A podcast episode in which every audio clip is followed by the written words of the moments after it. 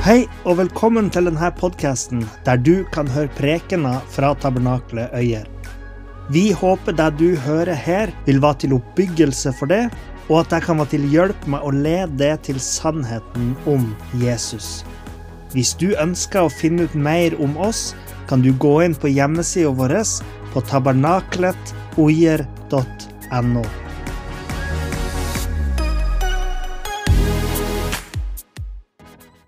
Jeg har eh, to barn, og jeg har ett håp for mine barn, og det er at de skal kjenne Jesus. Vi kan finne på liksom så mange grunner til at vi skal få barn, eller liksom sette barn til verden. At de skal bringe familienavnet vårt videre. At de skal oppfylle en sånn, at de skal være en sånn sjølrealisering. At, at jeg trenger barn for å være den jeg har lyst til å være. Eh, eller at eh, man tenker at eh, ungene de skal gjøre verden til et bedre sted. Eller at de skal få gleden av å leve under Niklas sitt farskap. Det er mange grunner vi kan forestille oss for at vi skal få barn. Og, og, og, og vi alle har mange grunner til, til det. Men for meg så er det én ting som er viktigere enn alle de andre tingene. Det er min overbevisning. At det er bare én virkelig god grunn til å få barn her i verden. Og det er at de skal få muligheten til å vokse opp og bli kjent med Gud, og at de skal få et håp i livet sitt om det evige liv. At de skal kjenne Jesus, vår frelser, at de skal forstå at han elsker dem. At det var derfor han skapte dem, og at han ønska å være sammen med dem. For hva er det høyeste håpet vi kan ha for våre barn uten Gud? At man eh, kan få lov til å gi videre til de håpet om en, en bedre destinasjon. da. Og som en kristen far så har jeg en rolle å spille i det her. Jeg er ikke ferdig bare ved at jeg har liksom lagd barna. Jeg kan ikke ta på meg eneansvar alene for at de skal bli frelst, men jeg har fortsatt eh, et ansvar for å dele min tro med ungene mine i hverdagen. Ikke bare ta de meg hit eh, til menigheten, men å leve som en far for dem. Jeg har òg ei, ei eh, kjerring. Hun er snill. Hun er arbeidsom, hjelpsom, respektfull. Hun har mange gode kvaliteter som jeg setter veldig pris på. Og det som jeg er mest glad for av alle de gode tingene ved Kjersti, det er at hun deler min tro. At vi kan eh, stå sammen i tjenesten for Gud. At vi kan tilbe Gud sammen og be sammen. Eh, og Hvis hun ikke hadde hatt den troa, så hadde livene våre sett ganske annerledes ut. Og menigheten her hadde sett annerledes ut. Fordi jeg hadde ikke stått her, men jeg hadde måttet gått ned med enter i dag. Men jeg og Kjersti vi kan leve ut vårt disippelskap sammen. Og vi kan leve ut misjonsbefalinger i vårt eget heim.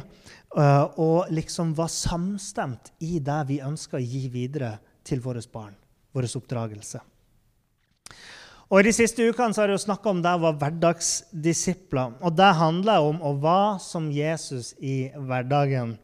Eh, å leve ut det livet han ønsker at vi skal leve i og dele de gode nyhetene om hans døde oppstandelse og livet som kommer. Og det gjør vi i alle områder av livet.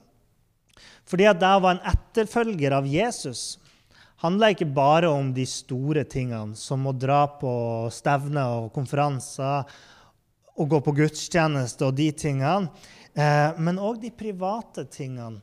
Til og med det å gå i sitt eget lønnkammer for å be. Og Det handler om å gå sammen med Jesus og ha øynene retta imot Jesus ifra man står opp om morgenen til man legger seg om kvelden. Ikke at du nødvendigvis går i sånn, sånn intens bønn liksom, hele dagen, så ingen får kontakt med det. Men det at man, at man eh, er bevisst på sin rolle som disippel i hverdagen, altså i ferier, i, i helligdager, i helgen, eh, og når man er på jobb, og når man er i nabolaget, når man er på sosiale medier. Og det er jo de tingene jeg har snakka om som konkret fram til nå. Um, og jeg har snakka om de her forskjellige sfærene som vi er disipler i. Uh, og så er det jo sånn at disippelskapet vårt begynner med din etterfølgelse av Jesus. Der begynner det. Det begynner med at du følger Jesus. Og så fortsetter det med menneskene som er nær deg, som er omkring deg, som du møter. Og hvis du bor sammen med noen, så er det jo akkurat de menneskene som er nærmest deg. Så Det starter med at du følger etter Jesus, og så skal du prøve å få med deg flere som kan bli med og følge Jesus. Og det begynner jo da med de som er i ditt eget hjem. De som er nærmeste. Ofte er det din familie. I heimen vår og, og de nærmeste som, som liksom bor i lag med oss, er jo vårt nærmeste innflytelsesområde. De vi ser mest og kan eh, ha innflytelse på mest. og Derfor så er det viktig å snakke om eh, å være en disippel hjemme. Jeg har ikke noe fancy statistikk som jeg har hatt noen andre prekener i denne serien, som sier hvor mange timer du bruker i hjemmet ditt hver dag. For jeg tenker at det er ganske sjølsagt at vi bruker tid med de vi bor sammen med. Og jeg tror at når Den hellige ånd kommer inn i et menneske, så kan den hellige ånd rører et helt hjem. Om det så bare er én person som har blitt frelst, som bor der. Og når et troende menneske sant, kommer til Gud og, og, og, og tar imot Ånden, så tar denne personen med seg bønnene, lovsangen, skriftlesninga, lovprisninga, de gode gjerningene, trofastheten. Tar alle disse tingene med seg inn i heimen, inn i ekteskapet, inn i familien. Og så ligger det en sånn smittsom kraft i det. I Bibelen så finner vi mange eksempler på nettopp det her. For så står det flere ganger i, i Apostelens gjerninger at når én person tok mot Jesus, så fulgte hele huset hans med, hele hjemmet hans fulgte med i den troa. Så jeg vil snakke om om eh, noen kategorier av folk som vi ofte har i heimen vår. Og jeg vil begynne med å snakke om barna. Mange av oss har jo vært barn sjøl. Kanskje ikke alle, men de fleste av oss. Og noen av oss har egne barn, noen av oss har hatt barn, og noen av oss har barnebarn. Og jeg starta jo i dag med å snakke om, litt om mitt forhold til mine barn, eh, og viktigheten av å dele troa mi videre med de, sant? Og Hør hva apostelen Paulus skrev til den unge Timoteus i 2. Timoteus kapittel 1, vers 4 og 5. Der skriver han.: Jeg lengter inderlig etter å se deg, når jeg husker dine tårer for at jeg kan bli fylt med glede ettersom jeg er blitt minnet om den ekte troen som er i deg, den som først bodde i din mormor Louis og i din mor Evnike, og som jeg er overbevist om også bor i deg. Det vi leser her, er jo at mødrene i Timoteus sitt liv hadde spilt en viktig rolle i å dele troa si videre til Timoteus.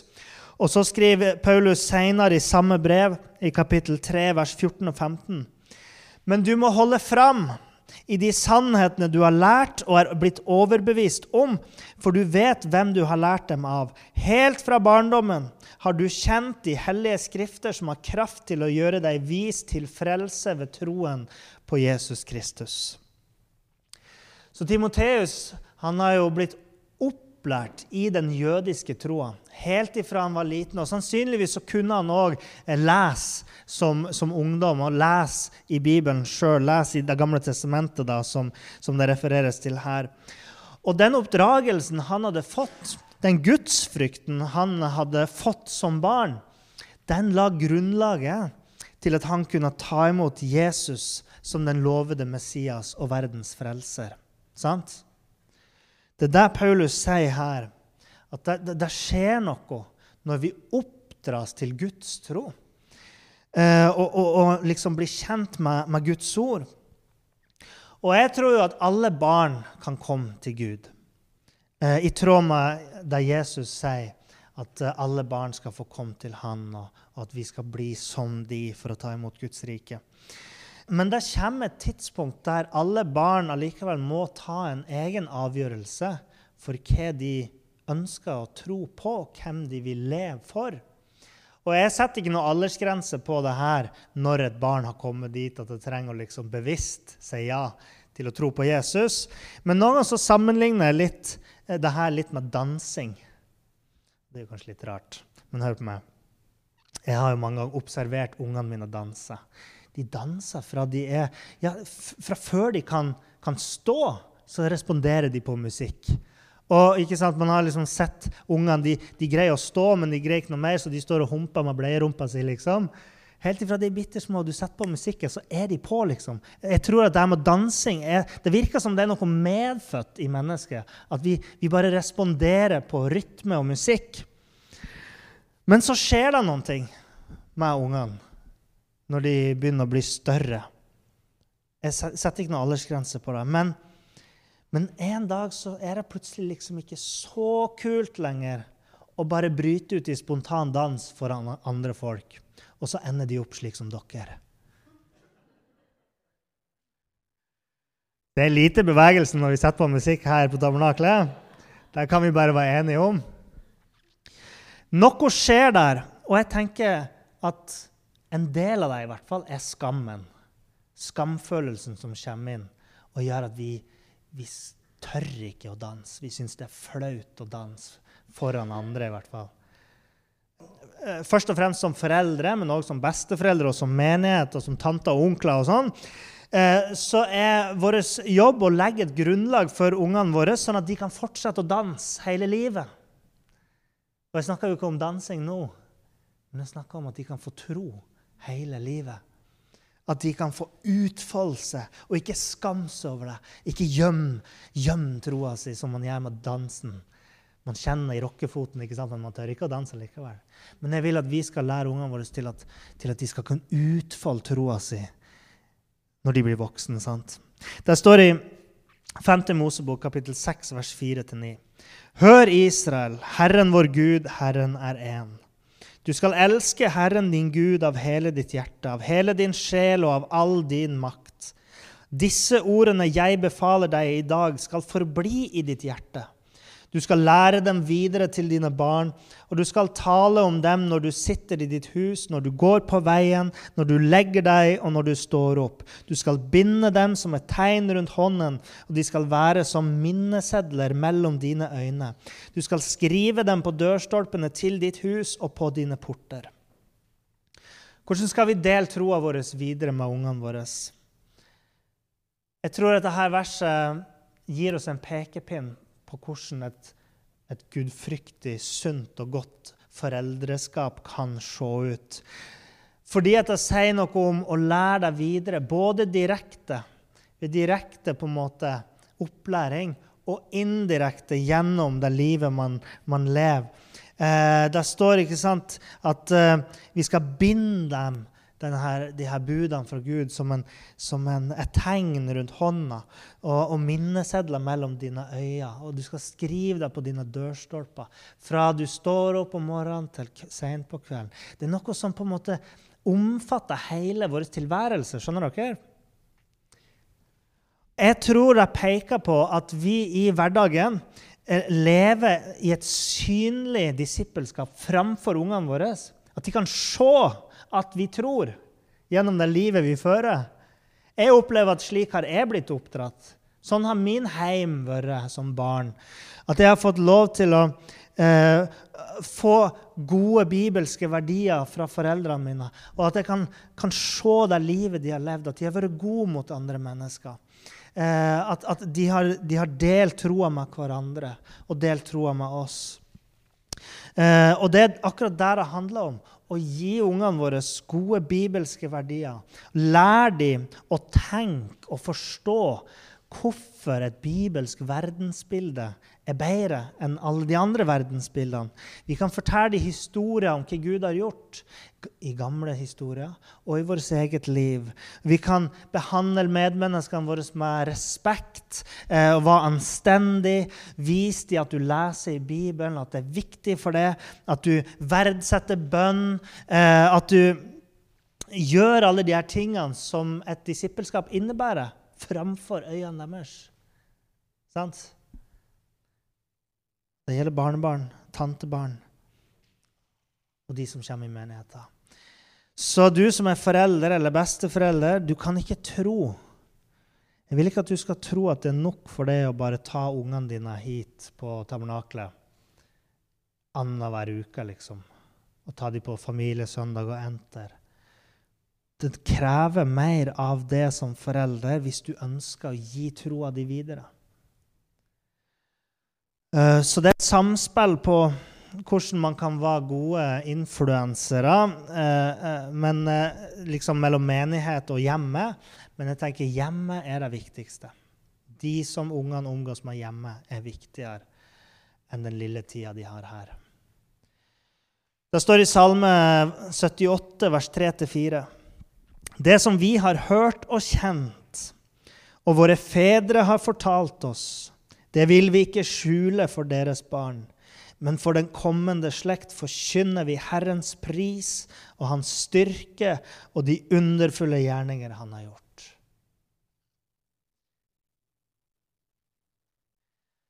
Jeg vil òg si noe om ektefellen. Det er den neste kategorien. Og det første jeg vil si der, er faktisk at jeg vil fraråde enhver kristen å gifte seg med en ikke-troende. Kanskje høres det litt kontroversielt ut i vår tid, men det bør ikke være det. Men i dag er vi så opptatt av at liksom følelsene skal styre, sånn at hvis man begynner å si at nei, du må bruke hodet litt når du skal være en partner, eh, og tenke ut ifra din tro når du skal være en partner, så, så er det litt kontroversielt. Men jeg tror virkelig at det å bestemme seg for å dele livet med en person som ikke eh, deler ditt verdensbilde, og som ikke tror på din Gud, eh, er liksom det å legge opp til en livskrise, da. Hvis du allerede er gift med en ikke-troende, så er det jo, det er jo en annen ting. Eh, man bør ikke skille seg bare fordi at den ene parten har blitt frelst. sant? Men Israelittene f.eks. ble så mange ganger advart av Gud. Ikke gift dere med de andre folkene slik at dere begynner å tilbe deres guder og følge deres skikker. Det er jo dessverre sånn at når man gifter seg med en, eller liksom får en livspartner som eh, ikke er interessert i Jesus, så er dessverre realiteten sånn at man ofte blir påvirka av den ektefellen sin, som ikke tror. Noen ganger hører man jo kjempefine historier, sånn som mormor og bestefaren min. Bestefar var ikke frelst når han ble sammen med mormor, men mormor, mormor var kristen. Og Hun tok med bestefar på et husmøte. De hadde vært gift i noen år, og så ble han frelst. Herlig frelst. Noen ganger så hører man sånne solskinnshistorier. Det er veldig, veldig fint og oppmuntrende. Men hvor mye oftere skjer det ikke det motsatte, da? Der den kristne partneren som har gifta seg med en ikke-kristen, blir lunken, dukker sjeldnere opp i menigheten eh, eh, og, liksom slutter å praktisere troen i hjemmet og ender med at barna deres ikke får noen tro. Jeg vil si at det skjer oftere enn den andre tilfellet. Og det er jo mange kristne sin, foreldre sin store sorg å se at troa til Ungene blir vanna ut sakte, men sikkert, og de kan ikke gjøre noe. Fordi ekteskapet er så, så nært og så sterkt at, eh, at, foreldrene klarer ikke lenger å påvirke like mye som ektefellen gjør.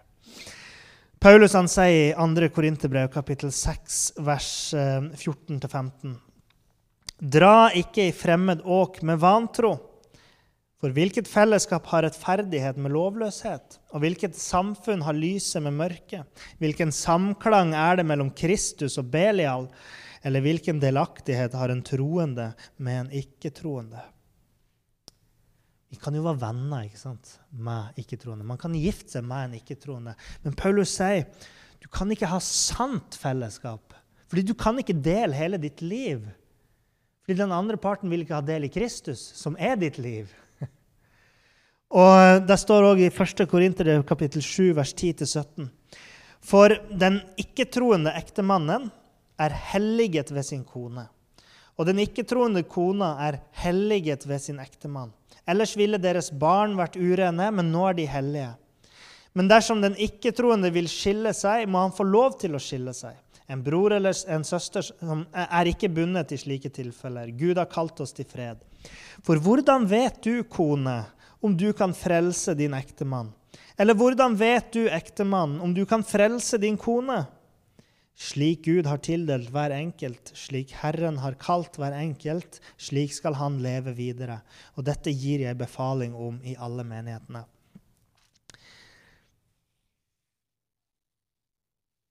Det er ikke håpløst å være gift med en ikke-troende.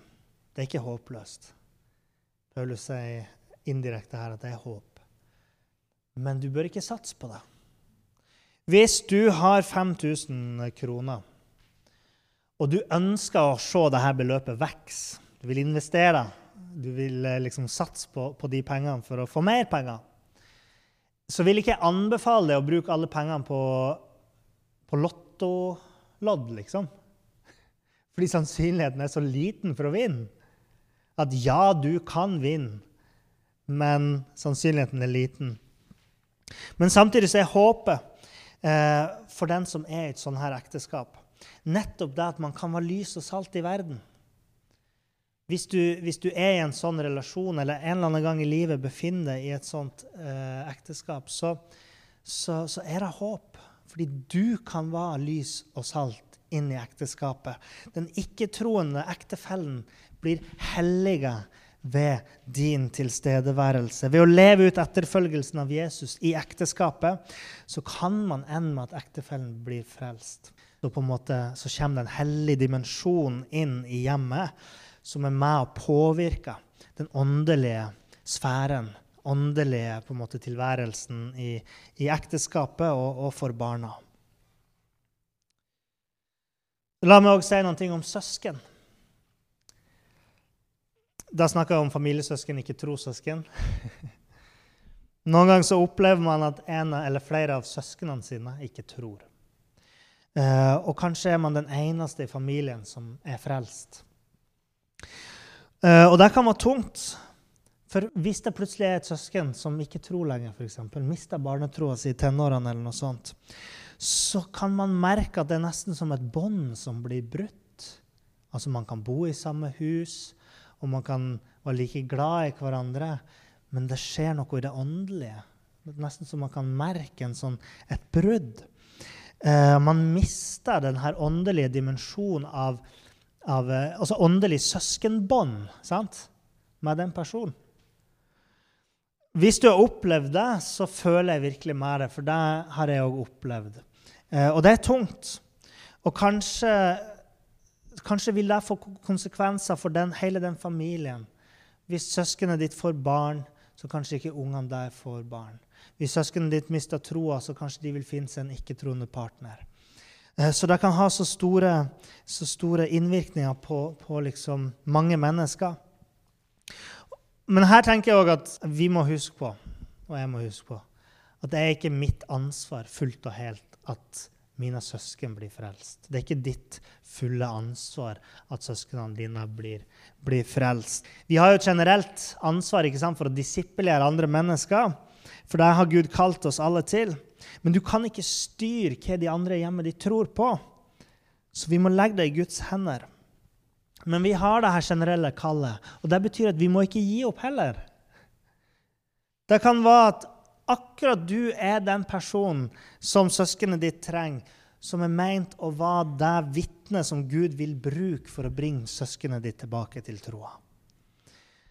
Og tenk bare på hvilken unik inngang du kan ha i livet deres. Hvilken innflytelse du har, hvilken kjennskap du har til den andre personen. Og det kan være tusen ulike grunner til at søskenet ditt ikke tror. Eh, men vær, vær, sikker på det at det de tror på, hva enn det er som har dratt dem bort fra Jesus, så er det basert på en løgn.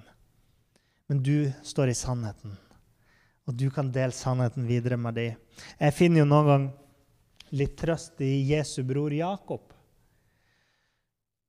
Fordi at Jakob hadde vokst opp med Jesus, kjente Jesus så godt helt fra barndommen. Jesus var Jakobs storebror. Uh, og til tross for det så endte Jakob med å tro på Jesus allikevel. At han kunne tro at sin egen storebror var Messias, verdens frelse, liksom. Og det sånn, gir meg en liten oppmuntring om at liksom, ja, ja, jeg trenger i hvert fall ikke å få mine søsken til å, til å tro at jeg er Messias. Jeg trenger bare å få dem til å tro at Jesus er Messias. Og det høres ut som en letta jobb for meg, syns jeg. Så hvis du velger å leve i sannheten om hvem Jesus er, du viser Guds kjærlighet i hverdagen, sant? du eh, har omsorg for de andre i heimen din, og, og du tør å snakke om vitnesbyrdet ditt, så, så, så, er du eh, på et sted der, der, du på en måte, ved ditt liv og din gjerning så konfronterer du løgn med sannhet. Og, og, gjennom den måten, gjennom bønn og, og, og de her tingene, så kan du vise søskenet ditt en bedre vei. Den nest siste kategorien med folk i heimen som jeg vil snakke om, er foreldre. Vi har jo et håp for våre barn, som jeg har nevnt, eh, om at de skal ta del i den, den gleden vi har. Eh, de skal bli kjent med, med Jesus, med Gud.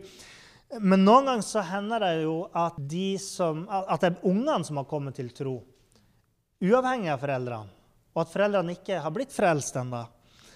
Og hvis det er tilfellet, så ønsker jo vi å disippelere våre foreldre. ikke sant? Og det kan jo være litt utfordrende.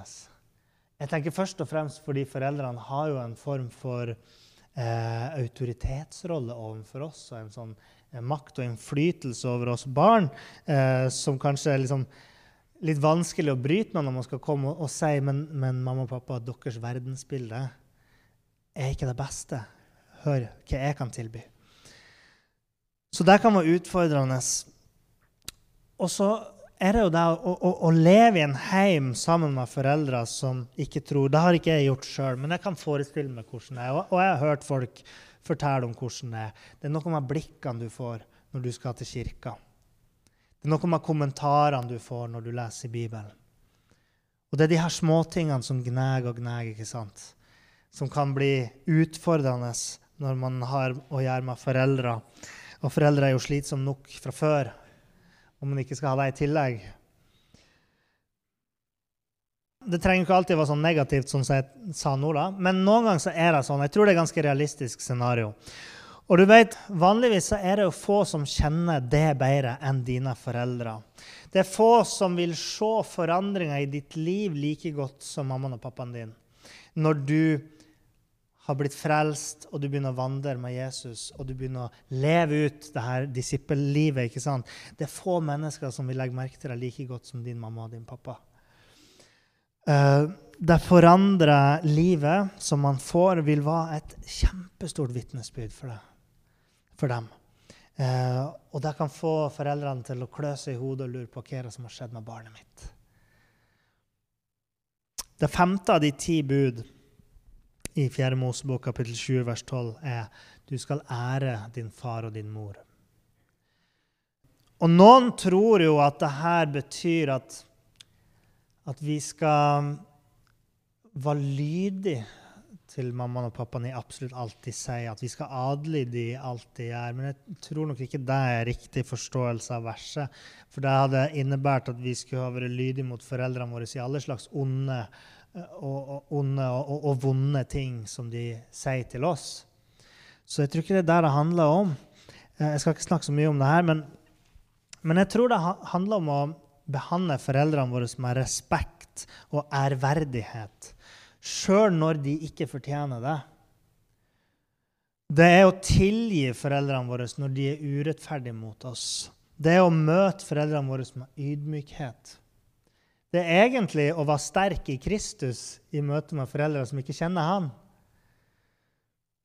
Du trenger ikke å liksom gnage på foreldrene dine med evangeliet hele tida og si hvor, hvor, mye synd de gjør i heimen hele tida. Men du kan bare gjennom ditt liv la evangeliet være en naturlig del av livet ditt. Eh, være en naturlig del av heimen din og samtalene dine, og at du tør å stå for det du tror på. Jeg er ingen ekspert på det her. Det, som sagt, jeg har ikke levd med foreldre som ikke er frelst. Men jeg tror at dette er noen av de tingene som Bibelen peker på som gode, gode ting. At man skal ære sin far og sin mor. Jeg tror at det er et godt bud, sjøl om foreldrene ikke tror. Og jeg tror at ved å leve i det her og, og, og vise de respekt og sånne ting, så kan man lede dem nærmere Jesus og være en bro til tro for dem. Det er ikke enkelt, alle de her tingene, men dette er korset vi bærer som disipler. Den siste kategorien jeg vil nevne her, er de fremmede. Jeg mener ikke bare fremmede, men jeg mener de som kommer på besøk. Og her har jeg bare et kort, et kort eh, stikkord. Det er gjestmildhet. Kristen gjestmildhet. Og jeg ble minnet om minte om det som var forrige helg. Vi jo, hadde evangeliseringsmøte eller eh, friluftsmøte på Fåvang forrige helg. Og det var så fint fordi at eh, Løsningsløkken de inviterte bare alle liksom, som ønska å komme hjem til dem. Så kunne vi komme hjem til dem og grille, og så hadde de laga noe mat, og så hadde vi med litt mat. Og, eh, og så bare åpna heimen sin for oss. Og jeg bare tenkte sånn Det er kristen gjestmildhet. Så godt forbilde der oppe i Fåvang. Men jeg vil vise dere et bilde. Se på det bildet her. Før vi fikk oss hus eh, når jeg og Kjersti gifta og før vi fikk oss hus Vi bodde bare i leilighet. Men da drømte jeg om eh, en ting. Og jeg drømte om det som er på bildet her. Eh, og drømmen var å kunne ha et gjesterom. Så jeg liksom satt og forestilte meg hvordan kan jeg lage et, et, et hvis, hvis, vi får oss et hus en gang som ikke har god plass, hvordan kan jeg få en hel familie inn på gjesterommet? For det var det jeg hadde lyst til, at, at jeg kunne ha en heim som er åpna for folk, og ha plass til en hel familie om de ville. Så jeg tegner det her. Ikke at jeg er noen kunstner. Men det er bare det at for meg så er det liksom en stor velsignelse å ha muligheten til å åpne heimen vår, tilby gjester å komme til oss og uh, liksom ta med alt de har med seg, bagasje og alt, og bare si ja, men det går fint. Vi har rom for dere, så klart kan dere komme til oss. Uh, og det her gjør jo ikke meg til noen helgen, men jeg tror at det òg kan være et sånn uttrykk for kristen gjestmildhet. For jeg, jeg, har alltid hatt gode forbilder i livet mitt når det gjelder akkurat dette punktet. Og, ikke sant? Eh, jeg tror eh, hver eneste evangelist og forkynner i Norge har bodd hos mormor og bestefar, f.eks. Eh, og, og, det var jo alltid sånn når vi kom på besøk hos de, så, så spilte det ikke noen rolle om vi allerede var på besøk. Hvis noen kom og banka på døra. 'Ja, ja, ja, kom inn.' 'Nei, ikke stå ute i gangen. Kom nå inn og sett dere litt.' 'Skal du ha kaffe, eller hvor mange kaker skal du ha?' Ikke sant? Så det var alltid å sette fram, sette fram godsaker, sette fram liksom kaffen. Uansett hvem som kom, om de bare kom for å levere noe på døra, så var det å bli bedt inn. Så de, de var kjempegode forbilder for meg, altså. Eh, og, og, jeg tror at vi trenger å være sånne disipler som bare er gjestmilde som overgår på en måte minstekravet av det som kreves av oss. Det er ikke så lenge siden jeg leste om hvordan disse tingene har forandra seg i Norge de siste årene. Der nå er det uhørt nærmest å komme på døra til noen uten en avtale. Mens før så gikk folk bare liksom på besøk uten å trenge å avtale på forhånd. og sånt. Klart, Telefonen har jo sitt eh, å gjøre med det, at man kan enkelt ringe. Før så måtte man jo gå. Men eh, ting har forandra seg. ikke sant? Og jeg tror at vi, vi, kristne må holde på litt den gamle liksom, gjestmildheten som vi har hatt tidligere. Jeg tror at Jesus har gitt oss alt. Jeg tror at han alene har forsørga vår frelse. Jesus alene var, sto på korset og tok hele verdens synd og skyld på seg. Han tok straffen for det vi har gjort gærent. Han sto opp igjen. Han viste for oss at vi kan få evig liv når vi tror på han. Og For meg så er det hele fundamentet for mitt liv. Det bygger på det Jesus har gjort. Han har tatt seg av meg og gitt meg et nytt liv. Og Derfor så vil jeg tjene han. Fordi han har gjort alt, så vil jeg tjene han med mitt liv. Det er ikke fordi at jeg kan bli mer frelst, men jeg kan få lov til å gi av min kjærlighet tilbake til Gud eh, og tjene andre mennesker. Og det er en sterk historie om det her i Josfas bok. Ja, ikke om akkurat Jesus, og sånt, men det står en historie i Josfas bok.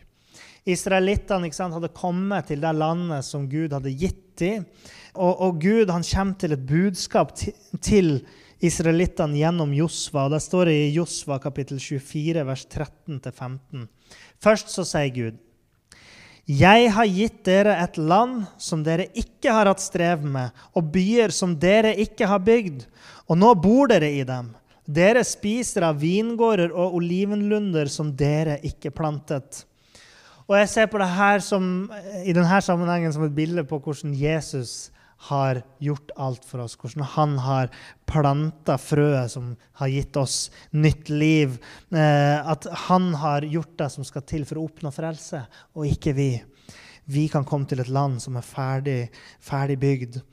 Så sier Josua videre.: Derfor skal dere nå frykte Herren tjene ham helhjertet og i sannhet, og ta avstand fra de gudene som fedrene deres tjente på den andre siden av elven og i Egypt. Tjen Herren! Hvis det er ondt i deres øyne å tjene Herren, så velg i dag hvem dere vil tjene, enten gudene som deres fedre tjente på den andre siden av elven, eller amorittenes guder i det landet dere bor. Vil vi tjene verden? Vil vi kaste bort tida vår på alt mulig slags annet som livet kan oppta oss med? Liksom annet enn Gud? Eller er du så takknemlig for det Jesus har gjort, at du faktisk er villig til å høre på hans bud og gjøre mennesker til disipler? For Josfa han slutta med å proklamere, men jeg og mitt hus, vi vil tjene Herren. Jeg og mitt hus vi vil tjene Herren. Jeg vet ikke hva dere vil gjøre, men jeg og mitt hus, vi vil tjene Herren. Vil du si det her om ditt hus, om din familie, om ditt hjem? Vil du at det skal være et fredens hjem, et kjærlighetens hjem, et gjestmildhetens hjem, et gledens hjem? Et hjem der Guds kjærlighet får utspille seg som en far og som en ektemann og som en som bygger et hjem hver dag, så ønsker jeg at dette skal være grunnlaget for, for mitt hjem.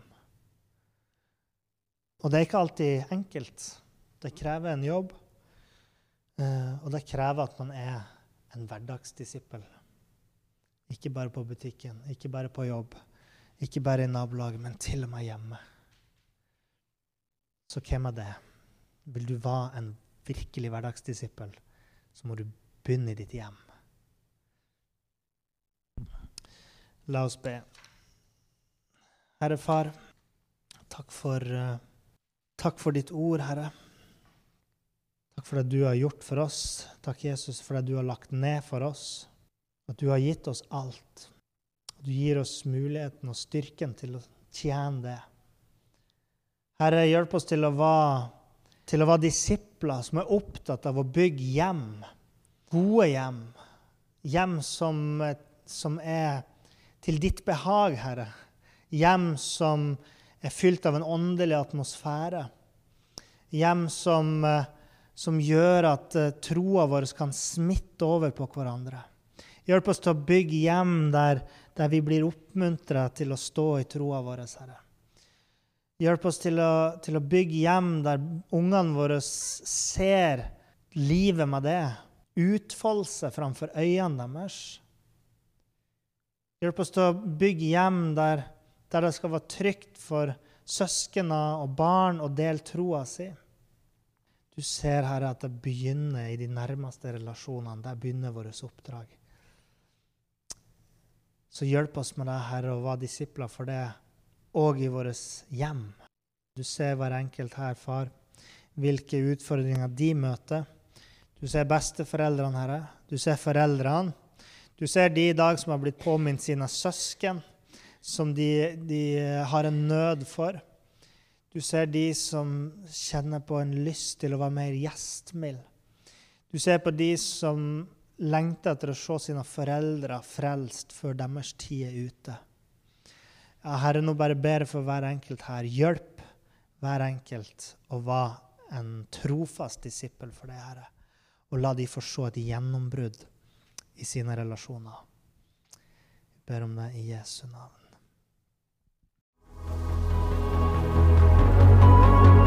Takk for at du hørte på. Hvis du tok et steg i tro i dag, eller du har noe du ønsker forbønn for, så vil vi gjerne høre ifra det via e-postadressen kontakt alfakrølltabernakletogjer.no. Du er òg velkommen til våre ukentlige gudstjenester i menighetslokalet i Haugskutua 5 26 36 Øyer.